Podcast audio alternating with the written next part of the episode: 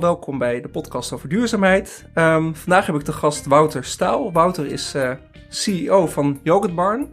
Heeft 13 vestigingen in Nederland waar je heerlijke frozen yogurts en heerlijke koffie kunt drinken.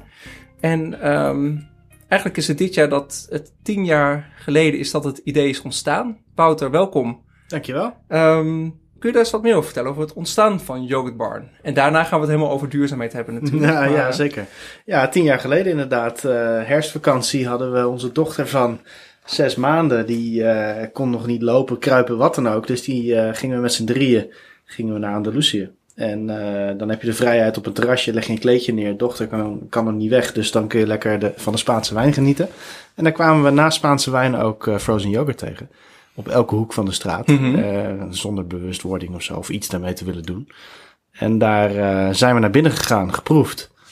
Uh, uit nieuwsgierigheid. En dat is uiteindelijk een life changer geworden. Ja. ja, want daarna, een jaar later, na het idee, is de eerste barn. Ja, nog, nog wel korter ook. Okay. wij kwamen terug van vakantie en echt wel met het idee van wow, we moeten hier iets mee, want het is gezond, gezond ijs. Maar ijs in Nederland uh, afhankelijk van temperatuur, maar in een paar maanden van het jaar kun je het goed verkopen. Ja. Uh, dat wordt steeds meer, helaas. ja. Maar uh, dat is al een linkje naar duurzaamheid. Ja, precies. Um, maar over het algemeen, een Italiaan zit ook op, op grote locaties, high traffic, maar die is het meeste van het jaar gesloten. Dus we hadden wel gelijk zoiets van, hey, wij eten de meeste yoghurt ter wereld. Daar kwamen we achter, na dat proeven. Ja. we gingen er gelijk mee aan de slag. Uh, dus die combinatie van gezond ijs met uh, yoghurt als basis voor een horeca-concept was heel snel geboren. Dus toen kwamen we thuis en uh, dan meestal ga je in je routine van je gewone leven, ga je, vergeet je alles. Ja, open je de mail weer. En dan twee jaar later dan, dan zie je ineens dat wat jij hebt bedacht door iemand anders. Mm -hmm. Dat zal heel veel mensen zullen dat herkennen. en wij ze hebben toen wel toevallig doorgepakt. Um, toevallig bij een angel investor terechtgekomen die zei, hey, ik heb mijn aandelen in Coffee Company verkocht. Ik uh, zoek iets nieuws. En ik zie hier een gelijkenis met koffie van thuis naar buitenshuis brengen, naar yoghurt buitenshuis brengen. Ja. Uh, we gaan aan de slag. Uh, je moet alleen nog wat meer angels vinden om je risico te spreiden en om meer kennis binnen te halen. Nou, hebben we gedaan. En in maart, dus dat was binnen vijf maanden, hadden we vier nieuwe angels. Uh, zaten we ineens met uh, advocaten, notarissen, et cetera, aandelen te verkopen zonder dat je wist wat het was. Ja. Heel gek. Ja. En toen had je nog geen barn geopend? Nee, toen was het echt het idee pitje. Je recepten had je. En toen zijn we met een retailplan aan de slag gegaan. Een merkplan, want je moet alles van scratch gaan bedenken. Mm -hmm. En dan begint het bij een receptuurtje. Wat kun je allemaal met yoghurt? Dat is de Ja. basis. En daarna ga je daaromheen je verhaal bouwen. En uh, toen hebben we, zijn we een pand gaan aanhuren op de Neude in Utrecht. En die is in september inderdaad uh, opengegaan, 2012. Ja. Ja. En uh, de recepten bedenk je... gewoon Nou. gewoon zelf thuis. Ja, nee, uiteindelijk, nee, we, um, uh, toen kwamen we er ook achter van, oh, zo'n LinkedIn is toch best wel handig. Mhm. Want uh, toen ik bij Philips werkte, was het dat Esther dan tegen mij zei van, ja, uh, zit je nou hier op LinkedIn, wat heb je er nou aan? Ja. Nu was het eindelijk dat ze zei, oh, daar, oh dat is handig. Ja. dus we hadden een bevriende architect voor het retailconcept en we hadden een, een chef die kon helpen met recepturen. En die heeft één keer geholpen en eigenlijk gezegd van, joh, je kan alles met yoghurt combineren, uh, maar let op crunchy of zout uh, of, of uh, zoetig of met een siroopje. Hoe kun je het opmaken? Met lagen werken. Dus het basisidee hebben we ervan geleerd, maar Mhm. de rest, ja, je kan dat nu heel makkelijk zelf bedenken. En al onze gasten en fans die denken nu graag mee. Ja, oh, dat is cool. Ja, echt Dus, co-creatie. eh, gewoon co- co-creatie en crowd, eh, crowdsourced eh, Ja. recepten. Ja. Wat is je meest gekke recept? Of meest gekke... Hartig, toch nog steeds wel. Ja. Dat ehm, vinden mensen heel eng, want dat zijn wij in Noord-Europa niet gewend. In Mhm. Zuid-Europa echt wel. Daar eet men heel veel eh, hartige yoghurt. Tzatziki is daar een bekend voorbeeld van, of een variatie op. Maar hartige yoghurt kun je heel veel lekkere dingen van maken. Hebben we nu al twee jaar uitgesteld. We hebben wel een hartig product altijd op de kaart met Mhm. yoghurt. Eh, denk aan komkommer, peper, zout, olijfolie, dat soort. maar ook met, met tomaatjes. En daar kun je echt heel veel leuke dingen mee doen. Met pesto. Ja. Eh, maar nu ga ik helemaal los op recepten. Nee, eh, Eh, nee, d- dus dat, dat is nog steeds wel heel gek voor, voor ons eh yoghurteters. yoghurt. ja, kaaskoppen wou ik Ja, zeggen. precies. Ja, ja, nou, dat is het wel. Hey, en, en de yoghurt die wordt natuurlijk steeds, eh, het is niet voor niets een podcast over duurzaamheid, Mhm. die wordt natuurlijk steeds, ehm moet steeds, dat is steeds duurzamer. Ja. Eh, naast eh, de, de bekende yoghurt yoghurt van, van eh, melk. Ja. Ehm, heb je natuurlijk ook heel andere varianten van yoghurt. En dat is natuurlijk wel al, dat heeft natuurlijk wel veel met, met duurzaamheid te maken. Hoe zie Absoluut. je die, die verschuiving? Ja, het begint eigenlijk, eh, hè, we hadden die angel investors aan boord in maart en dan ga je werken aan je concept en eh, welk, wat voor product ga je dan sourcen.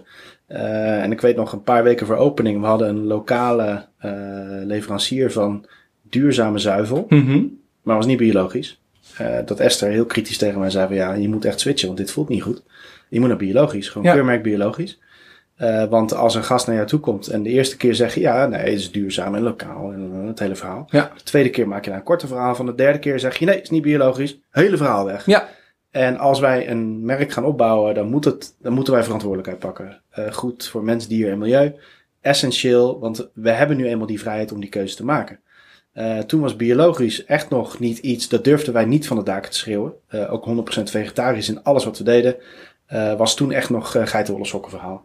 Hebben we niet benut, om het even zo te noemen. Mhm. Uh, maar wel intrinsiek gemotiveerd. Esther was vegetarisch al. En uh, als je producten van koeien, van dieren betrekt, moet dat biologisch. Dus dat was ook de grens bij biologisch. Ja. Uh, we wilden initieel 100% biologisch. Niet haalbaar vanwege prijs, beschikbaarheid, kwaliteit. Mhm. dus alles wat bij dieren is biologisch. Dat was toen de basis.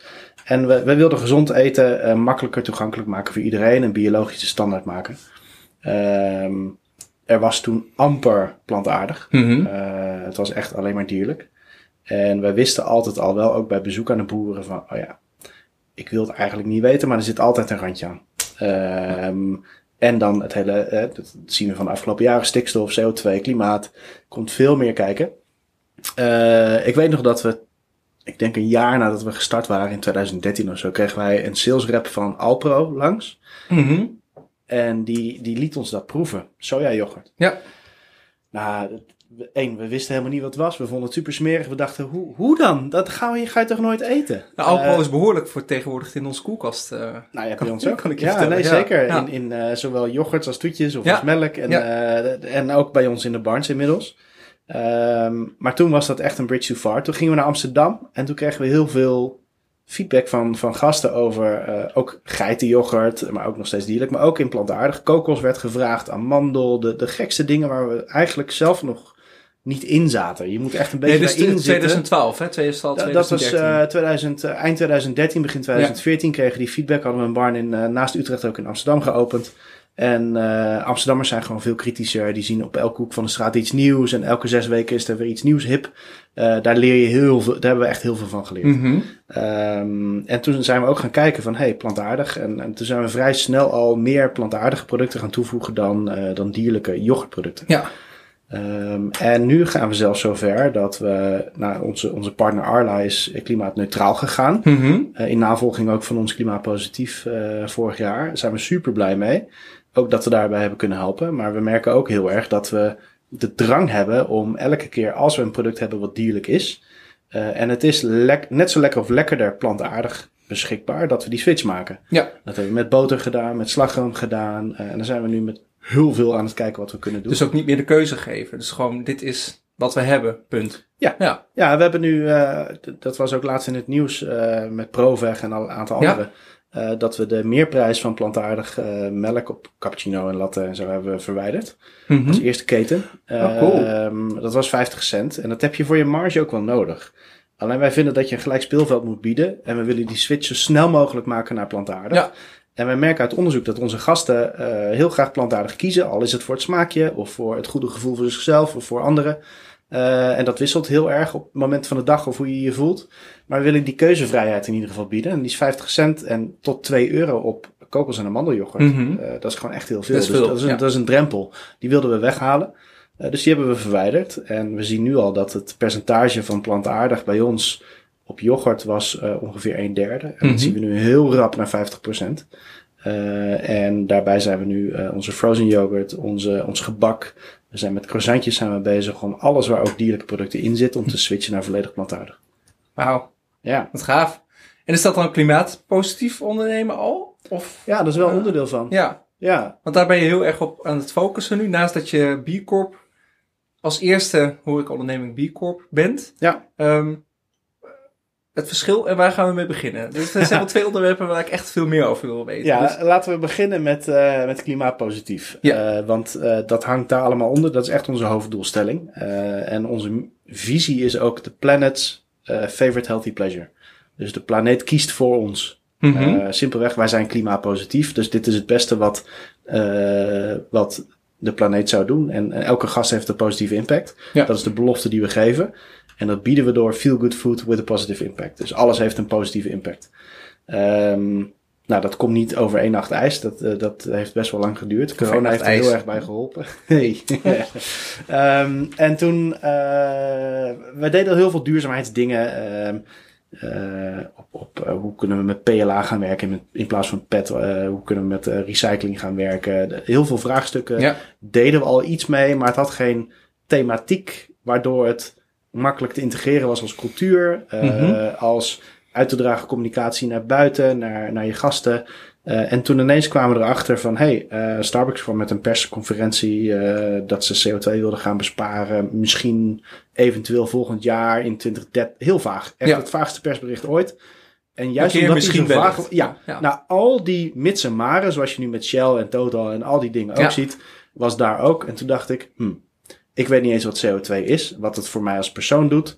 Eh, het heeft iets met duurzaamheid te maken. Interessant, ik wil meer weten. Toen ging ik googlen Mhm. en ik kwam geen enkel restaurant tegen in de link met eh, klimaatneutraal, CO2. eh, de- ik denk, ik, ik wil een basis weten zodat ik mezelf kan voorbereiden op Ja. of dit past of niet. Nou, uiteindelijk ehm, eh, kwamen we achter van, oh, je kan als persoon en als bedrijf kun je klimaatneutraal gaan. Dat past heel goed bij de reductiemaatregelen die we al doen. Mhm. Ehm, en toen, ja, maar de- eigenlijk de, om je te verdiepen in die problematiek rondom klimaat en alle Netflix-documentaires en zo, dan denk je, ah, maar als we nu klimaatneutraal gaan, dan heel veel doen het niet. Dus je moet nu overcompenseren. Dus eigenlijk ben je dan al te laat, want dan rem je de groei, de temperatuurgroei af. Ja. Maar eigenlijk moeten we afkoelen. Ja. Dus we moeten meer doen dan klimaatneutraal. En dat voelde voor ons zo goed. Van, ah, eindelijk hebben we een haakje gevonden waarin we onze intrinsieke motivatie kwijt kunnen. Mhm. Waar ons DNA van het bedrijf eigenlijk al heel goed op aansluit. We hoeven niet veel te veranderen. Onze eh, gasten denken al duurzaam. Eh, heel veel blogposts gaan over duurzaam voor ons. Eh, dus dit, dit is het haakje, hier gaan we mee. Ja. Dat was januari, ja, Davos eh 2020 kwam het persbericht van Starbucks uit. Ja. En toen zijn we het gaan voorbereiden voor de launch 22 april, Earth Day, de 50ste vorig jaar. Ja. En toen kwam corona. Eh, en toen was het ineens, oeh, laten we dit even in de koelkast zetten. Mhm. Maar twee weken later was de mist een beetje opgetrokken. En toen ging ook de generieke media over klimaat schrijven. Niet de Guardian of eh, correspondent, maar iedereen. Ja. En toen dachten we, oké, we trekken het weer uit de koelkast en we gaan hem gewoon nu eh launchen. Ja. Dus toen zijn we klimaatpositief gegaan. Eerste bedrijf in de Benelux, een van de eerste twaalf wereldwijd. Mhm. Eh, en daarbij meten we alle CO2-uitstoot van ons totale bedrijf, scope 1, 2 en 3. Eh, Ja, de welbekende ondertussen. ja, die, die hoef ik meestal niet meer uit te leggen. Nee. Een jaar geleden echt nog wel.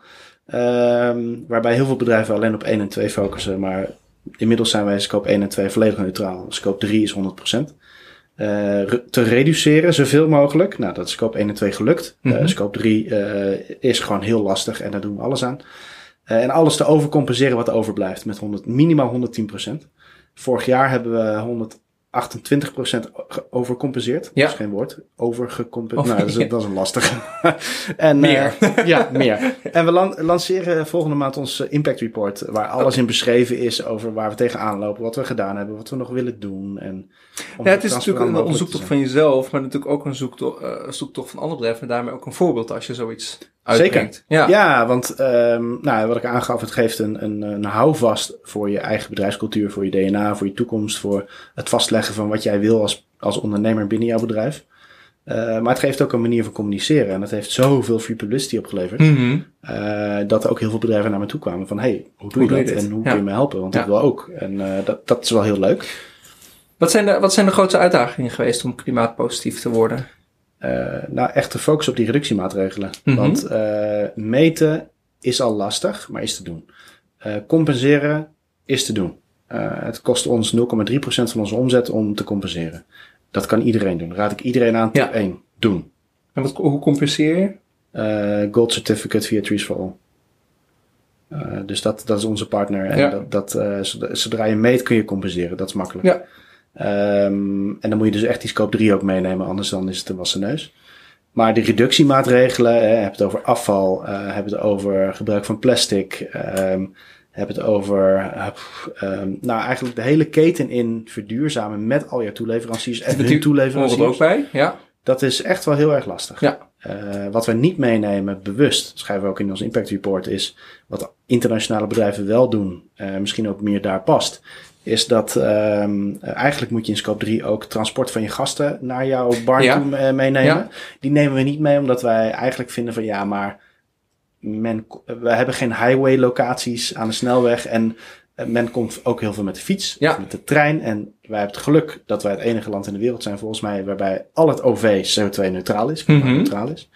Wat ook uh, Clipop, uh, zeg maar, de certificering uh, body van klimaatpositieve bedrijven als groot vraagteken aangaf. Dat bestaat niet, maar het is toch wel leuk dat dat het kan. kan. Gecompenseerd ja. weliswaar. Ja, maar, maar je het ook. Ja. ja. Dus uh, nou, toen zijn we gaan nadenken van, oké, okay, klimaatpositief. Wat komt er allemaal bij kijken? Heel veel. Mm -hmm. wisten we allemaal niet van tevoren. Misschien heel naïef. Heel groot doel en daarna zien we wel. Ja. We gaan het doen. Eerst doen. Eerst gaan, dan, dan denken. Ja. Eerst doen, dan denken. Ja, ja. En um, toen kwamen we ook bij circulariteit. Van, dat is ook een thema, maar dat is een onderdeel van een reductie. Mm -hmm. dus daar zijn we heel hard mee op weg. Met, uh, maar dat, de grote afvalverwerkers kunnen dat nog niet.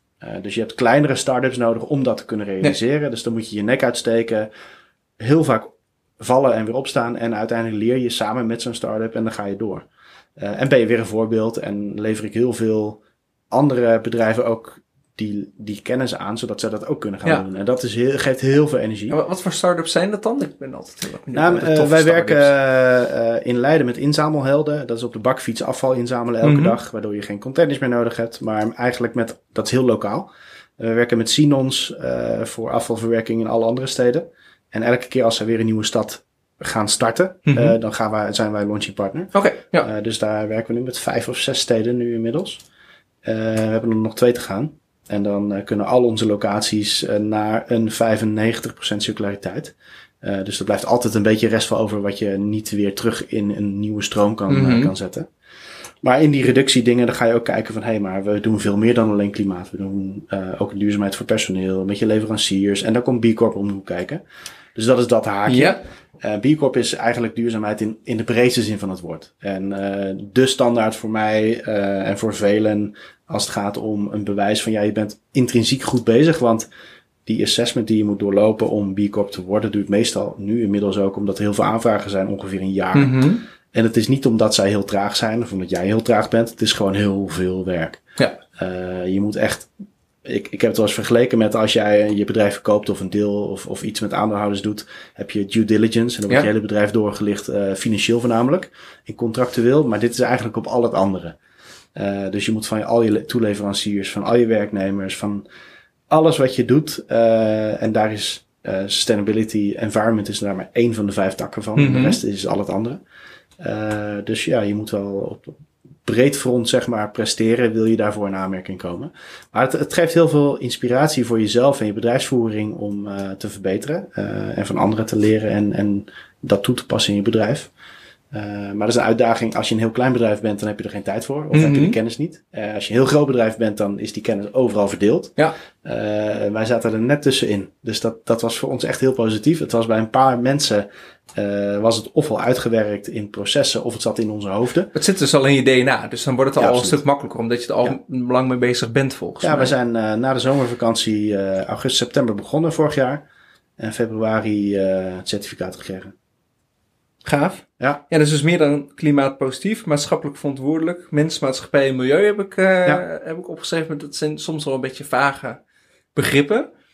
Uh, is er nog iets concreets te noemen daarover? Van, van waar moet je dan echt aan denken als iemand luistert, die heeft een bedrijf en die zegt, dit wil ik ook?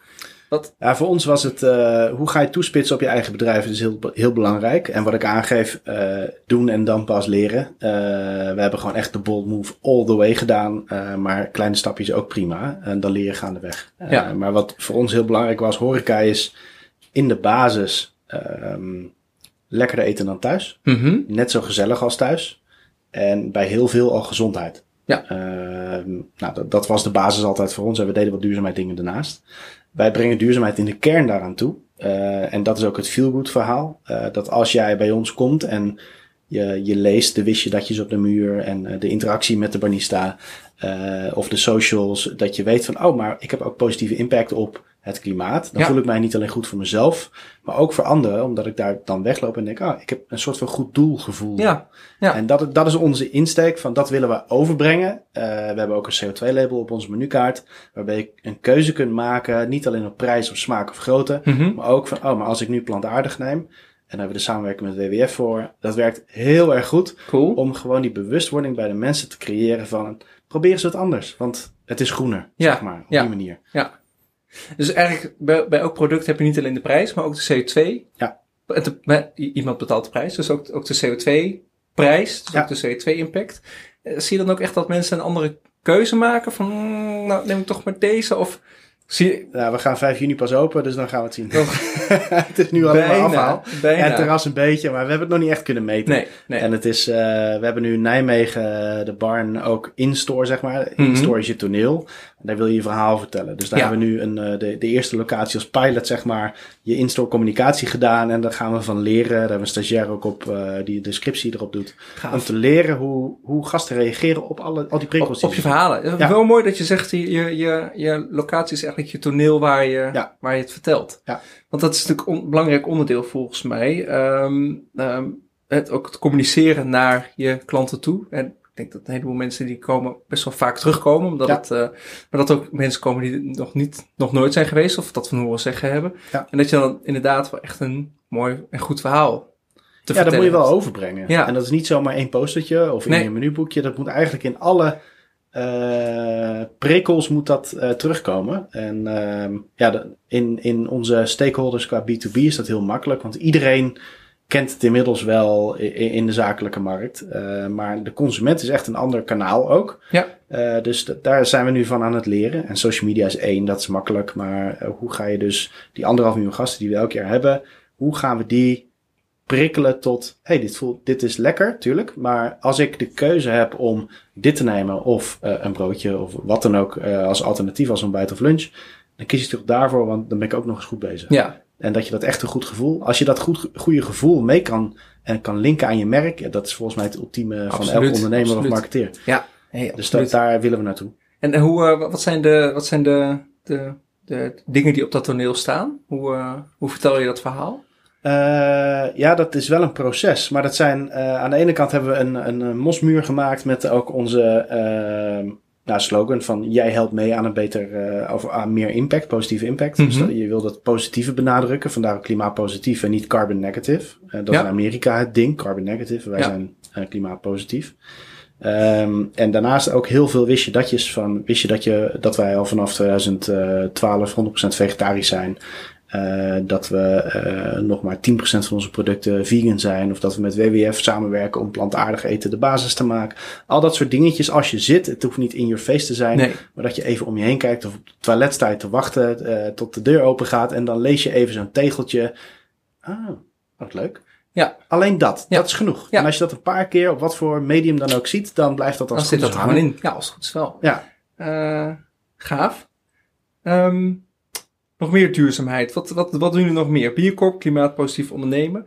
Ik kan me voorstellen dat jij eh, ondertussen eh, naast eigenaar bent van Yoghurt Bar nog een heleboel andere mensen aan het inspireren bent. Hoe, hoe doe je dat? Of, of ben je 50% van de tijd bezig met het vertellen van, van je verhaal en 50% het, vertellen, het runnen van de business? Of nee. ik kan me voorstellen nee. dat je, dat je eh, iets te weinig uren in de week Ja, dat hebt. klopt, maar dat komt niet omdat. Nou, ik heb het voordeel, eh slash nadeel, dat, eh, dat evenementen, congressen en zo nu niet doorgaan. Eh, dat deed ik best veel voor corona. Gewoon het ondernemersverhaal Ja. en, en het duurzaamheidsverhaal en een merk bouwen. Ehm, dat kwam al veel en nu met duurzaamheid is dat nog veel meer aan de orde. Maar ik ben nu eigenlijk vooral bezig om de groei binnen Jokerbarn te verwezenlijken. Omdat we naast onze 13 barns, dat is onze core business nu, Mhm. ik verwacht over een jaar dat dat nog maar 50% van onze business is. Dus we zijn nu echt een nieuwe business, drie nieuwe businesses daarnaast aan het Oké, bouwen. oké. Onder Yogabar naam. Eh, we gaan naar retail in september. Dus echt elke eh, supermarktketen, elke foodservice, cateraar, eh, Starbucks, Efteling, iedereen, daar komen onze producten te liggen. Wauw. Dat is echt fantastisch. Ja. Dat geeft heel veel nieuwe energie, nieuwe business, nieuwe kansen, heel veel motivatie. Ook weer klimaat positief. Ja, en dus het die verhaal. bewustwording, Ja. eh, de slogan, eh, de, de, de, klein, de eh, Planet's Favorite Healthy Pleasure staat erop. Met ook het verhaal erachterop met nou, hoe, wat kan jij doen. Ehm, daarnaast zijn we ook internationaal bezig. Mhm. eh, om daarin uit te breiden. Retailproducten komen ook in België. We zijn nu met een aantal locaties in het buitenland bezig. In Master Franchise. Eh, en we merken, omdat we duurzaam ondernemen en dus vegan als basis willen maken, eh, dat, nou, gebak als voorbeeld, eh, goed vegeta- vegan gebak, plantaardig gebak, is lastig beschikbaar. Want je wil, als jij een uitje hebt, dan wil je gewoon lekker gebak. Ja. En dan wil je niet naar, oh, dat is plantaardig, dus het zal wel oké zijn. Nee, het is lekker. Lekker. En als je wegloopt en je weet het niet, is het allemaal helemaal lekker. Ja. Maar als, het is ook nog eens plantaardig. Ja. En die doelstelling is heel lastig. Eh, dus dat zijn we zelf aan het ontwikkelen met partners. Eh, maar dan merk je, wij zijn groot genoeg om dat client-only voor ons te laten Mhm. maken. We nemen genoeg af. Maar er zijn heel veel anderen die het ook willen afnemen. Dus ineens heb je een soort van groothandelfunctie. Waarbij je jouw producten die voor jou goed genoeg zijn, ook kan verkopen aan anderen. Dat is een hele andere dynamiek eh, Ja, dan. Ja. Dus dan ben je ineens de, Groothandel. met de Sligo en de Lekkerland ben je eh, groothandel aan het spelen en je concurrenten kunnen jouw gebak kopen. Ja. Eh, dus daar zijn we nu mee bezig om te kijken hoe doen we dat. En normaal zou je dat lastig vinden of zo, want het is toch een concurrentiespeelveld. Eh, maar vanwege de, de strategie, we willen impact maken, eh, past het perfect. Dus ja, ook dat geeft heel veel energie. Dus Ja. ik heb niet zoveel tijd om spreekbeurtjes te geven. nee, nee, nee. Eh, Iedereen moet gewoon ben deze podcast luisteren. Dan is Ja, het dan, is Ja. het allemaal gecoverd. Ja. Wat gaaf. Dus flinke expansie. Ja, ja, gaat allemaal dit jaar nog wel gebeuren. Te gek. En de vegan wordt, wordt de basis. Dat, dat viel me even Al het op. nieuwe wat wij doen is plantaardig. Ja. Ik, ik, eh, ik zeg vegan en plantaardig door elkaar. Mhm. Ehm, in de noemer is het hetzelfde. Ik, ik, ik prefereer plantaardig omdat vegan een eh, negatieve associatie Ja. heeft. Plantaardig Ja. is een keuze. Eh, het is een optie, laat ik het zo zeggen. Maar eh, nee, alles nieuw wat we doen, dus retailproducten zijn plantaardig. Eh, daar is gewoon ook heel veel innovatie nodig. Ehm, daar is heel veel mogelijk. Daar is veel geduld van retailers. Mhm. Er zijn niet zo heel veel spelers. Er komen er steeds meer, maar daar kunnen wij echt gaten invullen. Nieuwe categorieën bouwen. Ehm, en ook het buitenland is alle, alle nieuwe locaties die we doen, is volledig 100% plantaardig. En in Nederland is dat wat lastiger. Ik denk dat we absoluut nog wel een, de biologische volle melk voor de cappuccino, die gaan we echt nog wel aanhouden. Mhm. Eh, de skeer, de, de barnyoghurt die we voeren, die gaan we echt nog wel aanhouden. Ja. Maar dat we langzaamaan de, de volle en de magere yoghurt gaan uitfaseren. eh, en, en de alternatieven ervoor inbrengen die we al aanbieden. eh, dat gaat wel gebeuren. Ja, gaaf. Hey, ehm, tot slot. Ik heb altijd één vaste vraag aan het eind. Ehm, ja, dan Die komt heb je me nog niet verteld. Eh, komt u nu. Ga ik u nu vertellen, live. Eh, wat betekent duurzaamheid voor jou? Eh, oprecht, vanuit je eigen intrinsieke motivatie, transparant, echt actie pakken. Mhm. Ik denk die dingen bij elkaar. eh, en dan maakt het niet uit hoe groot of hoe, hoe klein je doel is, of welke stap je zet. Maar als je dat doet, dan, eh, dan ben je in mijn ogen duurzaam, oprecht duurzaam bezig. Mooi antwoord. Had ik niet van tevoren voorbereid. Nee, en toch lekker, lekker concreet. Komt eruit. Ja. Wil, je nog, wil je nog wat meer vertellen? Of denk je van... Nee, ja, ik, ik ben vooral ook heel benieuwd als, als je dit nou beluistert, ehm, wat voor prikkels het geeft en wat voor kritische noten er zijn ook. Want eh, ik geef transparantie aan. Eh, we hebben op social media natuurlijk, eh, Instagram, heel veel jongere mensen ook vooral als fans. Ja. En dan communiceren we dit, maar dat is lastig in x-tekens en een fotootje. En dan krijg je ook nog af en toe wel eens een kritische noot. Ah, dat is greenwashing. En ehm, eh, ik vind het wel belangrijk om die kritische noot ook te krijgen. Dus eh, mocht er interactiemogelijkheden zijn, dan eh, trek aan de bel. Absoluut. Dus dat, eh, ik ben altijd wel benieuwd van, eh, zeker jouw doelgroep is wat groener, denk ik, dan, eh, dan een gemiddelde podcastluisteraar. Eh, dus eh, als er suggesties zijn, eh, sta ik daar zeker voor open. Nou, dan gaan de reactieformulieren gewoon open Hoppa. onder, onder het blog eh, wat, Ja. eh, wat ik nog ga maken. Wouter, heel erg bedankt eh, dat je hier was. Ehm, dit was Wouter Staal, eigenaar van, van Yogurt Barn. En eh, heel erg druk met zijn expansie de komende jaren van, eh, van allerlei initiatieven. Ehm, ben je of heb je een leuke gast voor deze podcast? Laat het me dan, dan weten. Heel erg bedankt voor het luisteren. En tot de volgende keer.